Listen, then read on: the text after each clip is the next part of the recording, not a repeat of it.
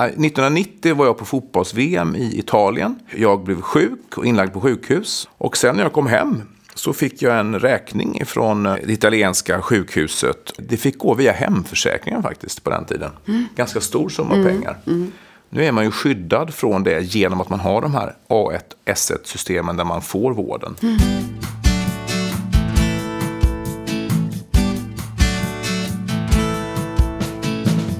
Hej och välkommen till Deloittes Mobility-podd. Podden där vi pratar om allt mellan himmel och jord så länge som det har med skatt och socialförsäkring i internationella eh, personalförflyttningssituationer att göra.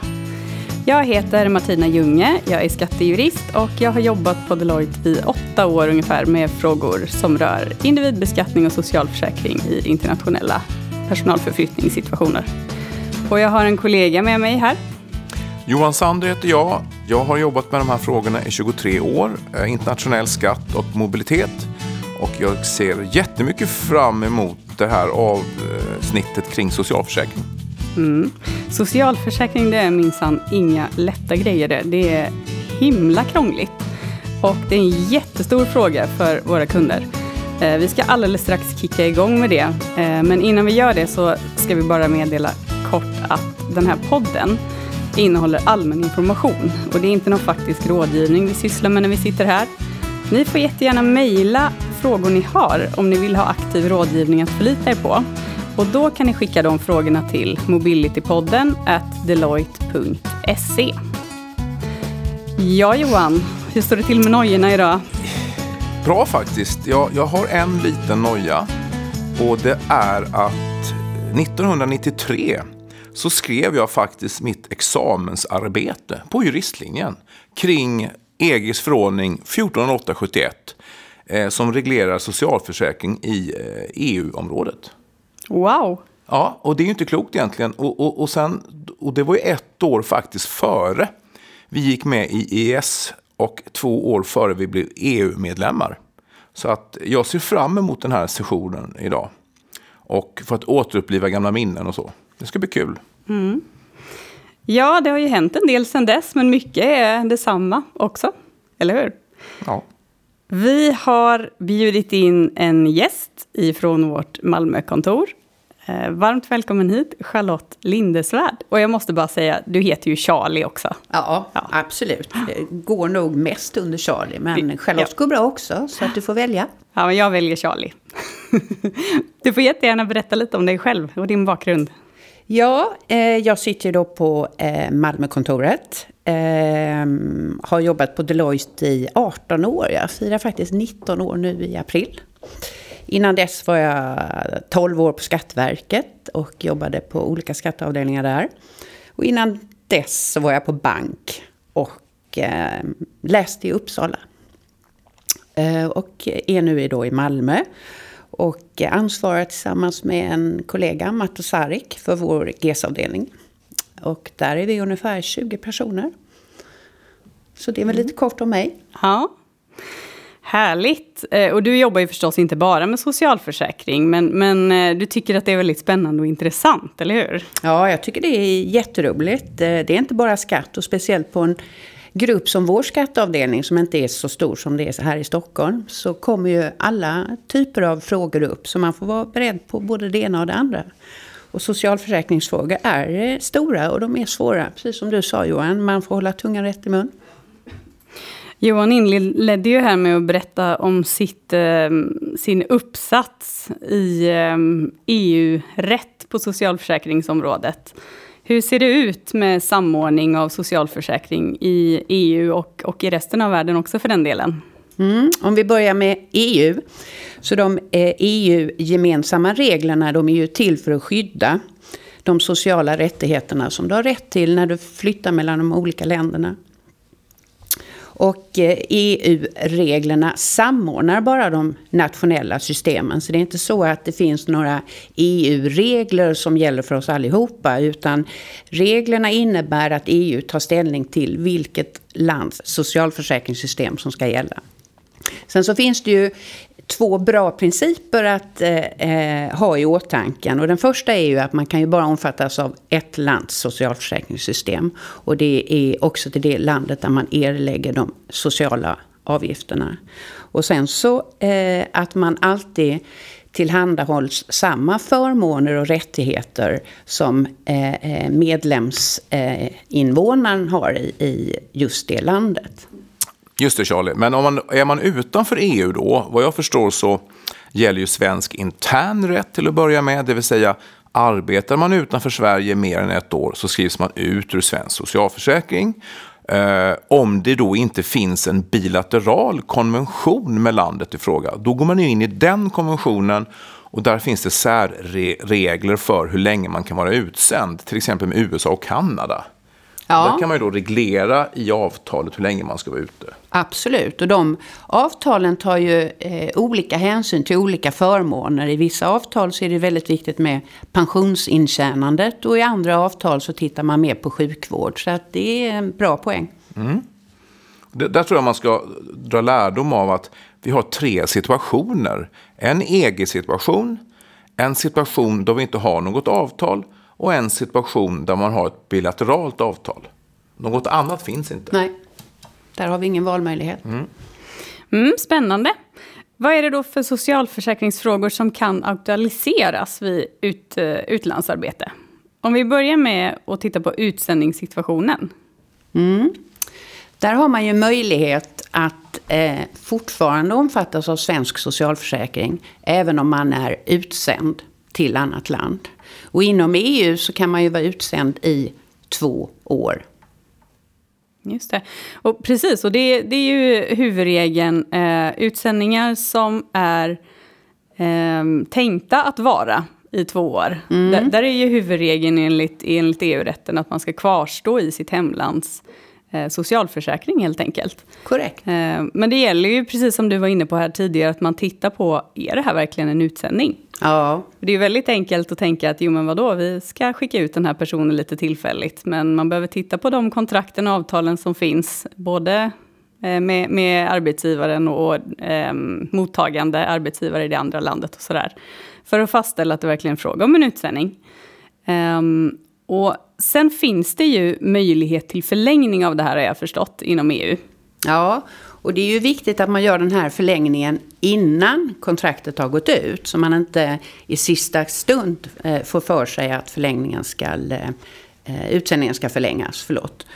Och då kan man bli utsänd i ytterligare två år. Just det. Mm.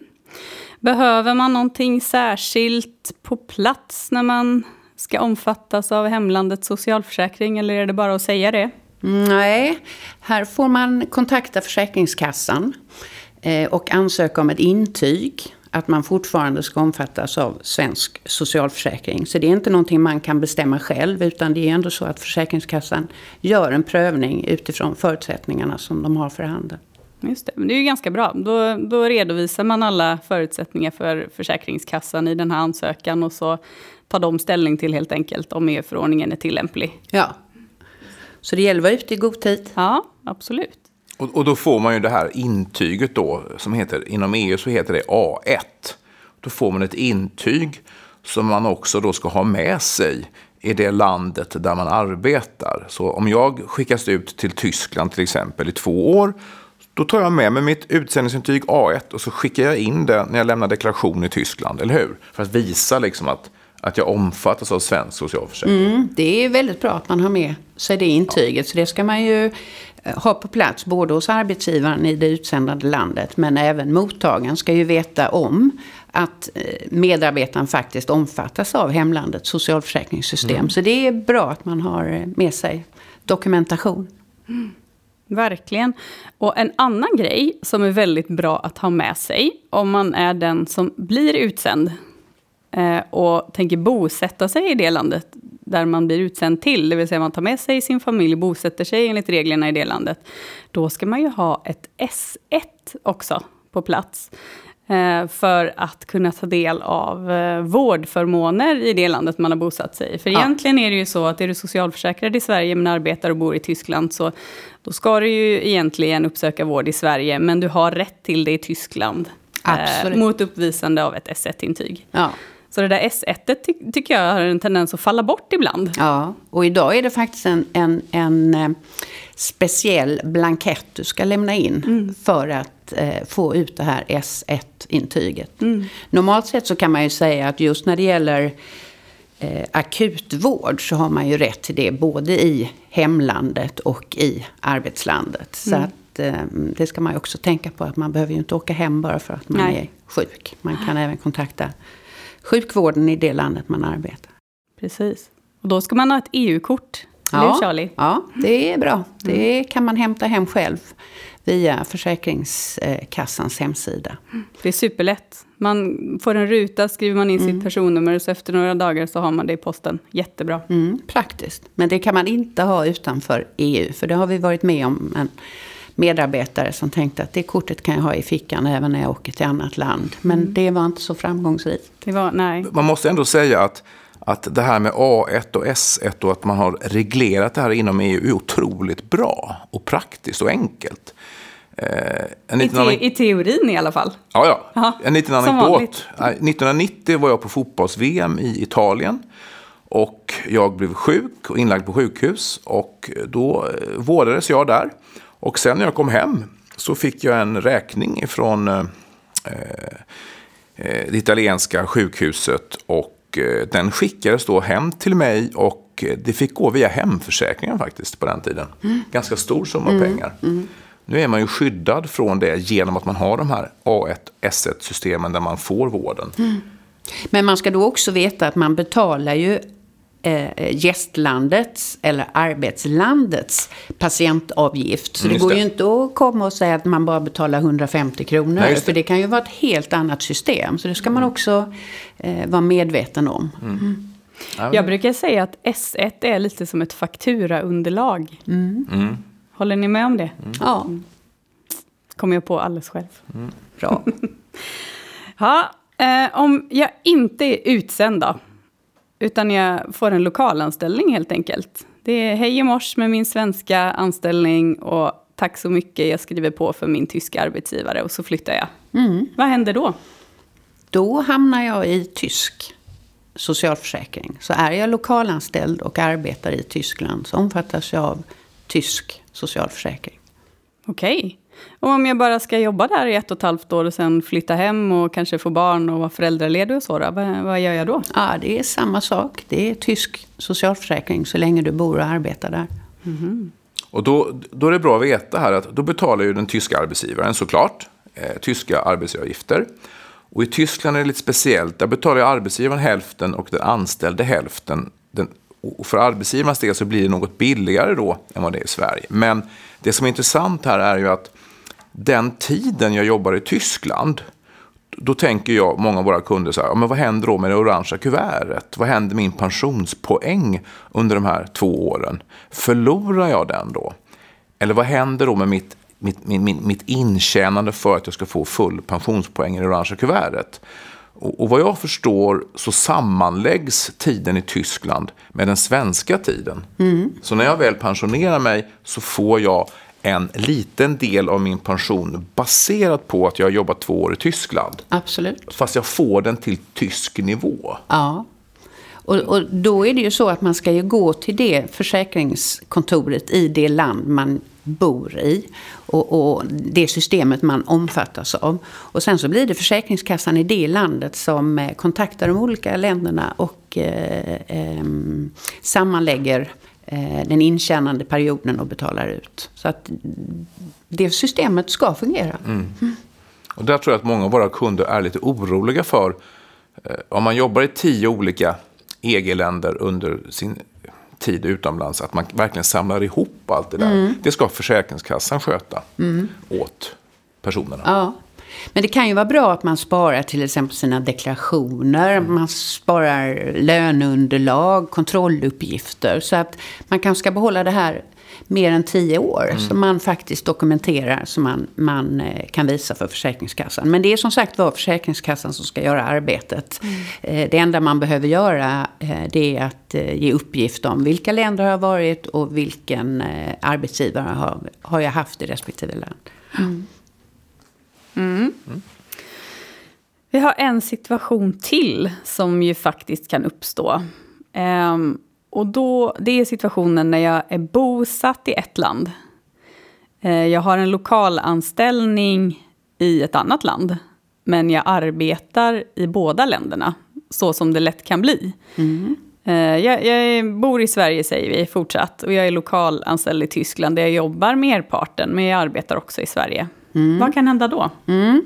Det finns en liten eh, magisk gräns. Man pratar om att man arbetar en betydande del i hemlandet. Och en betydande del är 25 procent. Så är man bosatt i, vad sa du nu för exempel, Sverige eh, och arbetar i eh, Tyskland kan vi säga. Så arbetar man då även 25 procent eller mer än 25 procent i Sverige så omfattas man av svensk socialförsäkring och inte tysk. Och vad, vem betalar de avgifterna?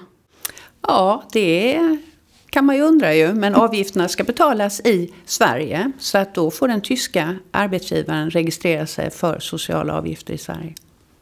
Just det.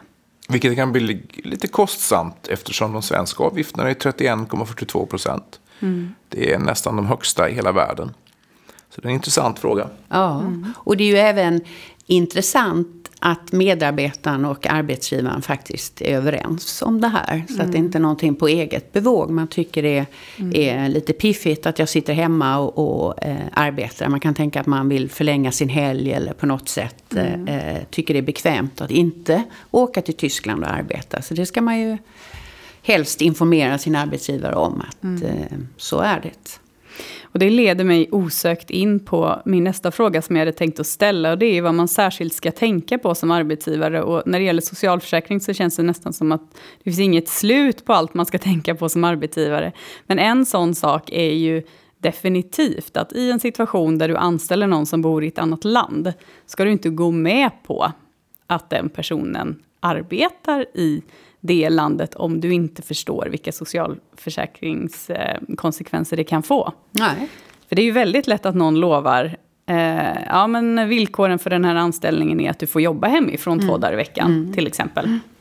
Eh, och så kanske man är arbetsgivare i Danmark, där det inte är några avgifter alls. Och så är hemlandet Frankrike eller Sverige, där det är väldigt höga avgifter. Mm. Ja, det kan bli kostsamt. Mm. Mm. Eh, finns det något annat som man ska tänka på som arbetsgivare, tycker du Charlie? Eh, ja, det är väl kanske när man är eh, på längre tjänstresor. Det är ju väldigt ofta eh, arbetsgivaren säger att ja, ja, men man är ju bara på tjänsteresa. Men även där bör man ju säkerställa att längre tjänstresor så kanske man också ska se till att ha det här A1-intyget på plats som faktiskt visar vilket socialförsäkringssystem man tillämpar. Mm. Och när du nämner A1-intyg, det, det, följer ju en del eh, rapporteringstrassel med de där A1-intygen. Det var, var, lite det jag tänkte på när jag sa att det i teorin är väldigt bra och enkelt med, med den här samordningen och sammanläggning och alltihopa. Men om jag är socialförsäkrad i Sverige och arbetar i Tyskland, det är mycket Tyskland i det här avsnittet känner jag, men vi gillar Tyskland. Um, då är det ju så att den lönen som det ska betalas arbetsgivaravgifter på i Sverige, det är ju min tyska bruttolön. Så alltså det som uppfattas som bruttolön i Tyskland är ju det som ska läggas till grund för rapporteringen i Sverige. Ja. Så det är ju också lite spännande. Det är ju inte bara den vanliga månadslönen jag får i Sverige, utan jag kanske får lite eh, skattepliktiga utlandstraktamenten, någon bostadsförmån i Tyskland och så vidare mm. som ska tas upp där. Mm. Mm. Så det ska ju också samordnas och lägga till mm. i den svenska kontrolluppgiften. Så allting som man, man tjänar, den totala bruttolönen, ska mm. ju upp på kontrolluppgiften, absolut. Mm. Mm. mm. Eh, vi har redan varit inne på min nästa fråga några gånger. Det är vilka effekter socialförsäkringstillhörigheten får för individen. Um, vi har pratat lite om i vilket land man ska söka vård och, mm. och så vidare. Um, vad kan man mer tänka sig? Ja, all ersättning som man får från eh, Försäkringskassan är ju naturligtvis beroende av vilket lands socialförsäkringssystem man tillhör. Och även det som vi var inne på innan, intjänande mm. av pension. Det är ju mm. också eh, någonting som man tjänar in via socialförsäkringssystemet. Så att, eh, men det, det som är lite fiffigt då med EG-rätt, de här EG-reglerna, det här regleras ju i EGs förordning 883 2004. Det är numret och namnet på den. Det, det, som, är, det som är bra då är ju att, att, att samordning av intjänande eh, sker via de EG-rättsliga reglerna. Så det behöver man egentligen inte tänka på. Det som kan beröra bolaget faktiskt och individen det är ju eh, pensionsavsättningar som kanske är lite utanför det här. Men har man en tjänstepension till exempel och jag skulle arbeta i Tyskland och får en eh, lokalanställning i Tyskland av det tyska dotterbolaget så förlorar man ju avdragsrätt i Sverige för sin tjänstepensionskostnad och då måste man också titta på hur hanterar jag den här pensionen då under mm. de två åren jag jobbar i Tyskland? Mm. Ska jag ha tysk tjänstepension eller vad gör man då? Där tror jag att många av våra kunder har frågor. Mm. Hur hänger det här ihop med tjänstepensionen? För den är ju helt utanför socialförsäkringsfrågan. Ja. Men tjänstepensionen hänger väl ändå samman med vem som du har som, som eh, arbetsgivare och, mm. och, och vem som har förbundit sig att, att eh, tillhandahålla din eh, tjänstepension. Och det är ju så att många är ju kvar i svensk tjänstepension. I vart fall när vi pratar inom EU. Så är du utsänd så betalar arbetsgivaren eh, arbetsgivaravgifterna och sen så eh, fortsätter de att betala in premien till eh, tjänstepensionen. Ja. Så det är ju väldigt tryggt och bra eh, för en medarbetare att vara eh, utsänd ja. eh, inom EU. Det Just. är samma intjänande hela tiden så att man förlorar inte någonting på de åren man är utsänd. Mm. Så jag tycker man ser att det är många som använder sig av eh, utsändning istället mm. för lokalanställning för att mm. eh, få svenskt intjänande av tjänstepension. Mm. mm. Om man lite sammanfattningsvis skulle säga då, hur stor är socialförsäkringsfrågan för våra kunder? Ja, det, det, är nog lite olika, men det borde vara stort fokus på eh, socialförsäkringsfrågorna. Eh, för att det är ju mycket som eh, står på spel. Och pratar vi återigen om pension så är det ju viktigt att medarbetaren får rätt pension. Så man inte en dag upptäcker att man har ett glapp i eh, pensionsintjänandet på några år. För att det kan ju bli eh, både dyrt och eh, väldigt kostsamt. Så att, eh, mm. Jag kan bara hålla med. Jag tycker att det tar upp en väldigt stor del av, av det jag arbetar med i alla fall. Eh, vad säger du Johan? Ja, alltså det, socialförsäkringsfrågan har ju två, jag tycker det är två dimensioner. Dels är det arbetsgivarens skyldighet att betala sociala avgifter, arbetsgivaravgifter. Och sen är det vad individen får ut av det. Eh, kan man samordna och se till att den anställde är trygg, att den inte förlorar någonting när man är på utlandsuppdrag så är det viktigt att få det i, i ett avtal. Att man, får, att man skriver utsändningsavtal, assignment letters, vad man nu kallar det. Att man formaliserar tjänstepension och sociala avgifter så att det inte blir några frågor efteråt. Det är jätteviktigt. Och då lutar man sig på EG-rätten eller de bilaterala konventionerna om man sänds ut till ett land utanför EU. Mm. Eh, så att jag tycker det är jätteviktigt mm. att man är tydlig och att företagen har en, en, en väl definierad policy för det här. Mm. Ja, och det kan bli kostsamt även för medarbetaren. Jag har varit med om en, en situation där man, en medarbetare fortsatte och eh, få eh, svenskt barnbidrag som han efter fyra år blev eh, återbetalningsskyldig för. Och det blir ju rätt mycket. Mm. Fyra års barnbidrag som ska mm. återbetalas. Så att det kan mm. bli kostsamt både för arbetsgivaren och eh, för medarbetaren om mm. det inte är rätt från början. Mm. Och så, jag vill bara nämna, vi var inne på det tidigare också, men det här att i många andra länder, eller de flesta egentligen, så är det ju både arbetsgivaren och individen som finansierar socialförsäkringssystemet. Vi är inte riktigt vana vid det i Sverige, men ska man omfattas av ett annat lands socialförsäkring så får man ju ta, ta höjd för det så att säga. Mm. Mm. Eh, kanske i sina avtalsdiskussioner eller liknande, mm. så att man förstår att eh, i tillägg till skatt så mm. ska jag också betala mm. socialförsäkringsavgift. Som kan vara ganska hög för individen. Ja, verkligen. Vissa länder. Mm. Frankrike mm. är högt till exempel. Tyskland är högt. Mm. Vi pratar ju om den höga inkomstskatten i Sverige, men lägger man ihop det så tror jag nästan att Frankrike toppar. Man mm. lägger till både inkomstskatten mm. och eh, de eh, sociala avgifterna som, som man som individ ska betala. Ja, eh, om man sitter som ny Global Mobility-ansvarig på ett bolag då, vad ska vi ge för tips när det gäller socialförsäkringsfrågor?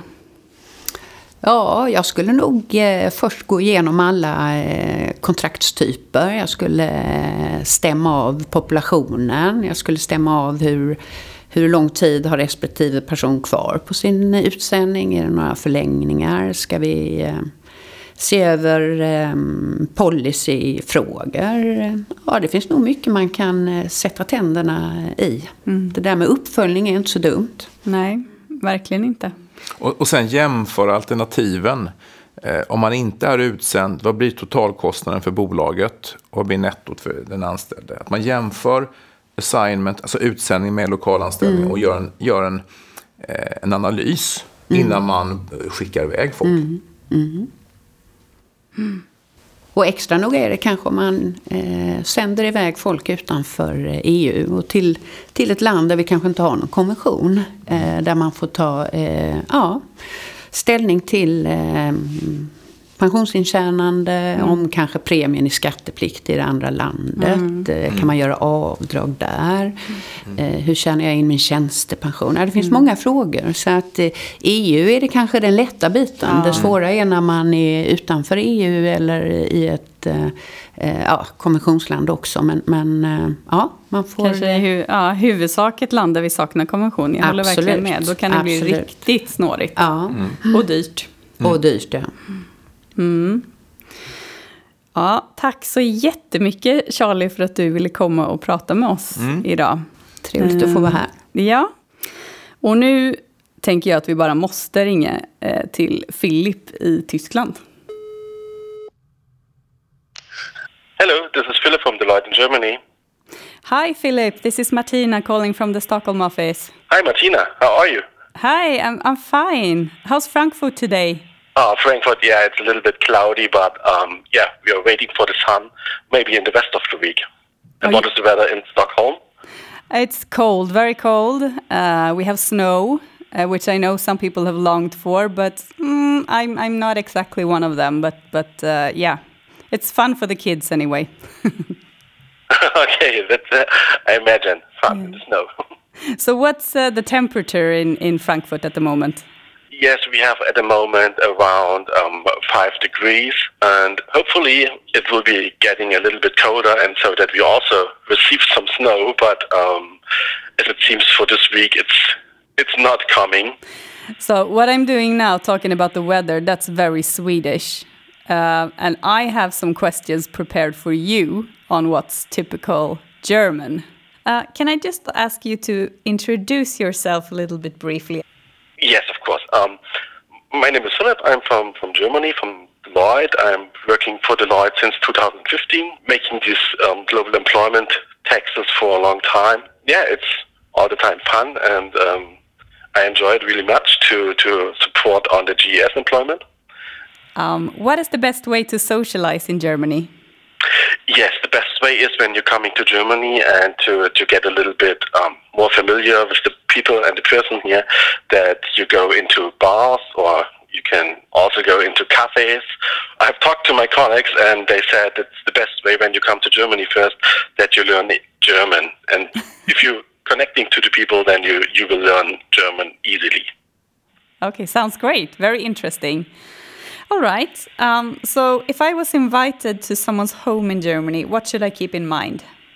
Yes, the the first point is it depends on the invitation. If she receives some flowers or a small gift, this is also welcome, and um, sometimes also a bottle of wine or something like this. Yeah, if, what is appreciated if you be in time. Yep. All right. So, do's and don'ts in a business meeting. Yeah, in the in the business meeting, the best way is that you are prepared. You should not interrupt the person that is currently talking. I know it's not everybody that is able to, to follow them, but um, we should all do this. Good. All right. So, uh, what do you think that people that are not from Germany would notice in particularly when coming for, to Germany for the first time? The most of the German are really correct. Most of the time they tidy up, and yeah, and we are happy about that because of the landscape is also clean and tidied up. And yeah, if everybody takes a little bit care of, of herself and following the rules, then it's maybe a, a better living together. And you have in, in most of the bigger cities, they are also open-minded because we have uh, people that are coming from all over the world. And yeah, we are living friendly together and um, there are no problems at the end. All right, thank you so much Philip. Great. Ehm, I nästa avsnitt, då ska vi prata om eh, migration faktiskt. Socialförsäkringsfrågan kanske är lite sekundär om man inte ens kommer in i landet som man ska arbeta i. Eh, och då kommer vår kollega Andreas Bråte hit och eh, berättar om migrationsgruppens arbete här på Deloitte och vad vi kan hjälpa till med och hur stor migrationsfrågan är eh, för företag. Tack för idag och hej då! Hej då! Hej då!